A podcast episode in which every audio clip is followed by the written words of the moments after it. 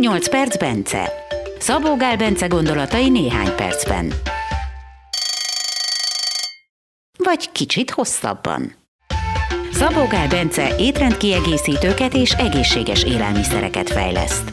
Egészséggel, gyógynövényekkel, táplálkozás és testmozgással kapcsolatos kutatásokat folytat. Érdeklődik a buddhista filozófia, a meditáció, tradicionális gyógyászati rendszerek iránt. Bence filozófiája, mindenen lehet javítani, csak azon nem, ami nincs. Azt viszont meg kell csinálni. Induljon a következő 8 perc. Vagy kicsit több. 8 perc, Bence. És azért jó, hogy a két tartalmú aminosavakról fogunk beszélgetni, mert nem tudok róluk semmit. Tehát alapkérdést nem tudok feltenni. Viszont ahányszor erről beszélsz, mindig összeráncolod a szemöldököd, úgyhogy ezzel van baj. Nincsen baj, nincsen baj, egészségesek a kéntartalmi aminosavak.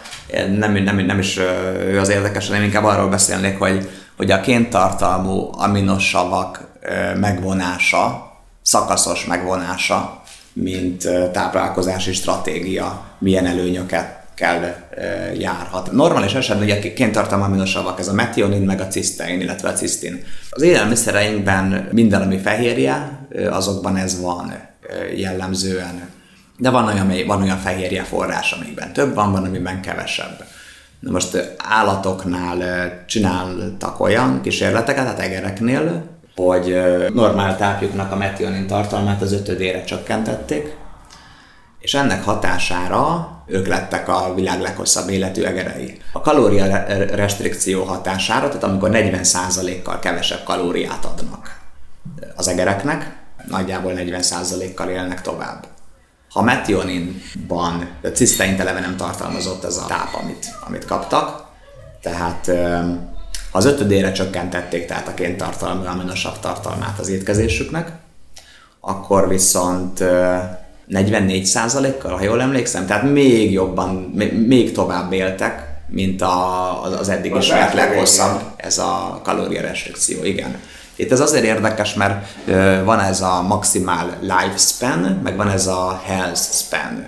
És a, amikor, amikor ilyenről hallunk, hogy elben vagy abban a vizsgálatban tovább élt egy egér, vagy a kutya, vagy stb. Ilyenkor jellemzően health spanről van szó. Tehát az egészséges élethoz nőtt, és nem az élethoz. Nyilvánvalóan ez utóbbi együtt jár az egészséges élethoz növekedésével is. És meg, meg az ember, ahogy öregszik, egyre jobban megbecsüli azt az egészségben eltöltött Igen, időt. igen, persze, hát az, az, az nem, nem kevésbé fontos, csak ugye itt az a különbség, hogy tehát az egyik az azt mondja, hogy mondjuk mit tudom, egy ember meghal mondjuk 85 évesen, és akkor abból 60 éves koráig volt egészséges, és az utolsó 25-öt már mindenféle problémával élte le. És akkor ezt kitolják mondjuk 80-ra, vagy akár 85-re de nem élnek tovább. Nyilvánvalóan bizé többen fognak, mert hogy sok, sok mindenki, mit tudom, 65 évesen megbetegedett valamibe, és akkor annak következményében elpusztul. Tehát így kitolódik, de ez a maximális élethossz, ami amúgy a populációra úgy jellemző, az nem tolódik tovább, vagy arra a fajra jellemző, az úgy nem tolódik tovább. Akkor viszont nem csak a health span, hanem a maximal lifespan is, akkor az annak a megfelelője, hogy nem 85 év, hanem 100-30 évig élt. Tehát az... Egérkorban. Tessék? Az egérporban. Egérporban. És ez, ez egészen biztosan át vihető emberekre is? Nem, nem egészen biztosan, de, de igen valószínű. Már csak azért is, mert hogy, hogy, hogy látszik, hogy a mai élő népcsoportok közül a leghosszabb életűek és a legegészségesebbek, ők éppen, hogy a kifejezetten nagyon alacsony kéntartalmú aminosabb bevitellel rendelkeznek.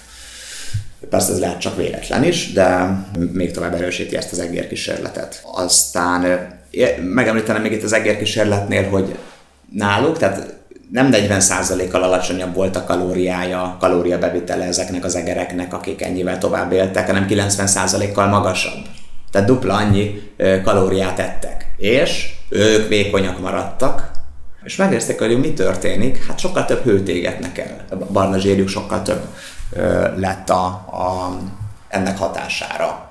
Volt mellékhatása is, méghozzá az, hogy lassabban nőttek és kisebbek is maradtak. Amúgy van olyan kísérlet is, amikor az egereket, nem tudom én, minden nap fél órára, órára, nem emlékszem mennyi időre, hideg vízbe tették, vagy valamilyen hideg expozíciónak tették ki, de lehet, hogy napi négy órát, tehát hogy ezért egy eléggé kellemetlen lenne azt így magunkon utánozni, amit velük csináltak, de attól is valami valami brutálisan tovább éltek ott, és valami, nem emlékszem, de ilyen talán még a 40 száz. Ugye ez nem egy táplálkozási intervenció, tehát azért mondtam, hogy itt a táplálkozási intervenciók közül a metionin restrikcióval tudták a leghosszabb élethozt elérni, de ezzel a, a, a hidegterápiás egerekkel ezzel aztán még többet tudtak. De, de ott is ugye barna zsír történik, tehát az összes olyan változás gyakorlatilag megtörténik, barna zsírt egyébként a FGF21 nevű hormon stimulálja, tehát annak hatására kezd el, és, a, és akkor vannak ilyenek, hogy mi az, ami megnöveli ezt az FGF21 nevű hormont, és ott a, ez a metionin restrikció, vagy hát a kéntartalmú aminosavak restrikciója, vagy pedig a teljes fehérje restrikció is, az nem tudom én, ilyen tízszeres nagyságrendben növeli meg, még van sok egyéb, mit tudom, mondjuk a ketogén diéta az mondjuk 50%-kal növeli meg. Tehát nem 1000%-kal, csak 50%-kal, de arról is tudni, hogy milyen előnyei vannak, stb. Maga az edzés során is megnő ez az FGF21, de megint csak egy max a kétszeresére. Tehát, hogy amikor így ez a tízszeresére nő meg, és ott minden együtt van, az IGF egy lecsökken, az FGF21 megnő, a inzulinérzékenység rettenetesen sokat javul, minden többlet kalóriát a szervezet nem zsírként elraktároz, hanem hőként eléget, tehát hogy, hogy, hogy ezeket a változásokat, és ezek mindig újra és újra adja az eredményt ez a vizsgálat. Tehát abszolút reprodukálható. És mindig tovább élnek, vagy sokszor nem vizsgálják élethosszig most már az egereket, csak megnézik, hogyha így csinálják, vagy úgy csinálják, akkor is megnő az FGF21, meg ilyeneket nézegetnek. Na most, hogyha ezt, ezt a sokféle kutatást mit összevetjük, uh-huh. és hajlamosak vagyunk azt hinni, hogy talán a, az egereken folytatott kísérletek ma a az emberekre is hatnak, akkor mi az, ami javasolható? Még egy egérnél vagy egy állatnál jellemzően 24 óra koplalás, vagy már akár 12 óra koplalás is elegendő ahhoz, hogy ez így ö, ö, meg tudjon, le tudjon csökkenni a metionin vérszint, addig az embernél legalább egy hét koplalásra van ehhez szükség. Viszont mivel mivel különböző kemoterápiás kezeléseknél, meg sugárnál is azt hiszem nagy előnye van, hogyha úgy kapja a beteg, hogy a metionin szintje alacsony, ezért sokat vizsgálták, hogy hogyan tudják a metionin szintjüket, ők, őket csak ez érdekelt, hogy a metionin szintjüket hogyan tudják lecsökkenteni. Kiderült, hogyha reggel, ugye egy éjszakai koplalás után, mert ugye este nem eszünk éjszaka, mint a alvás közben, hogy, egy, hogy reggel, ha metionin mentes étkezéssel indítanak, ott a rákos betegeknél, de ezt csinálták egészséges embereknél is csináltak ilyen vizsgálatot, és náluk is ugyanez volt, azzal indítanak, akkor azonnal lecsökken utána a metionin szint oda, ugyanarra az alacsony szintre, mint egy hét koplalás után. Na most mi az, ami metioninmentes? A kollagén fehérjék, tehát bőr, csont, vagy legyen az kollagén italpor, vagy bármi, vagy kocsonya, vagy körömpörkölt, vagy paccal, bár lehet, hogy abban ugye izom is van, mert az gyomor. Ja, nem. Hát egy kollagén séket az könnyű meginni reggel, az tud finom lenni, ugye, hogy megcsináljuk, tehát az, én, én azzal szoktam mindig indítani emiatt, mert azért paccalt még sem küldök be így reggel, bár csináltam már olyat is, de nekem az annyira nem esik jól. Vagy hát mikor, hogy mindegy. A, meg, meg a paccal nem is vagyok biztos, hogy annak pontosan milyen az aminosav profilja, mert ott azért van izom része, és szerintem a pacalnak mindegy.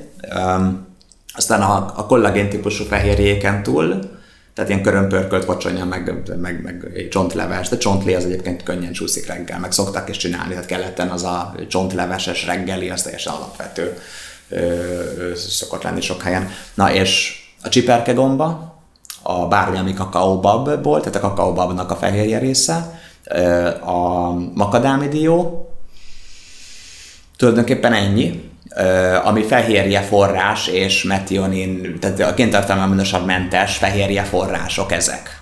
Viszont bármi, ami nem tartalmaz fehérjét, vagy csak alig-alig, ugye, az is jó.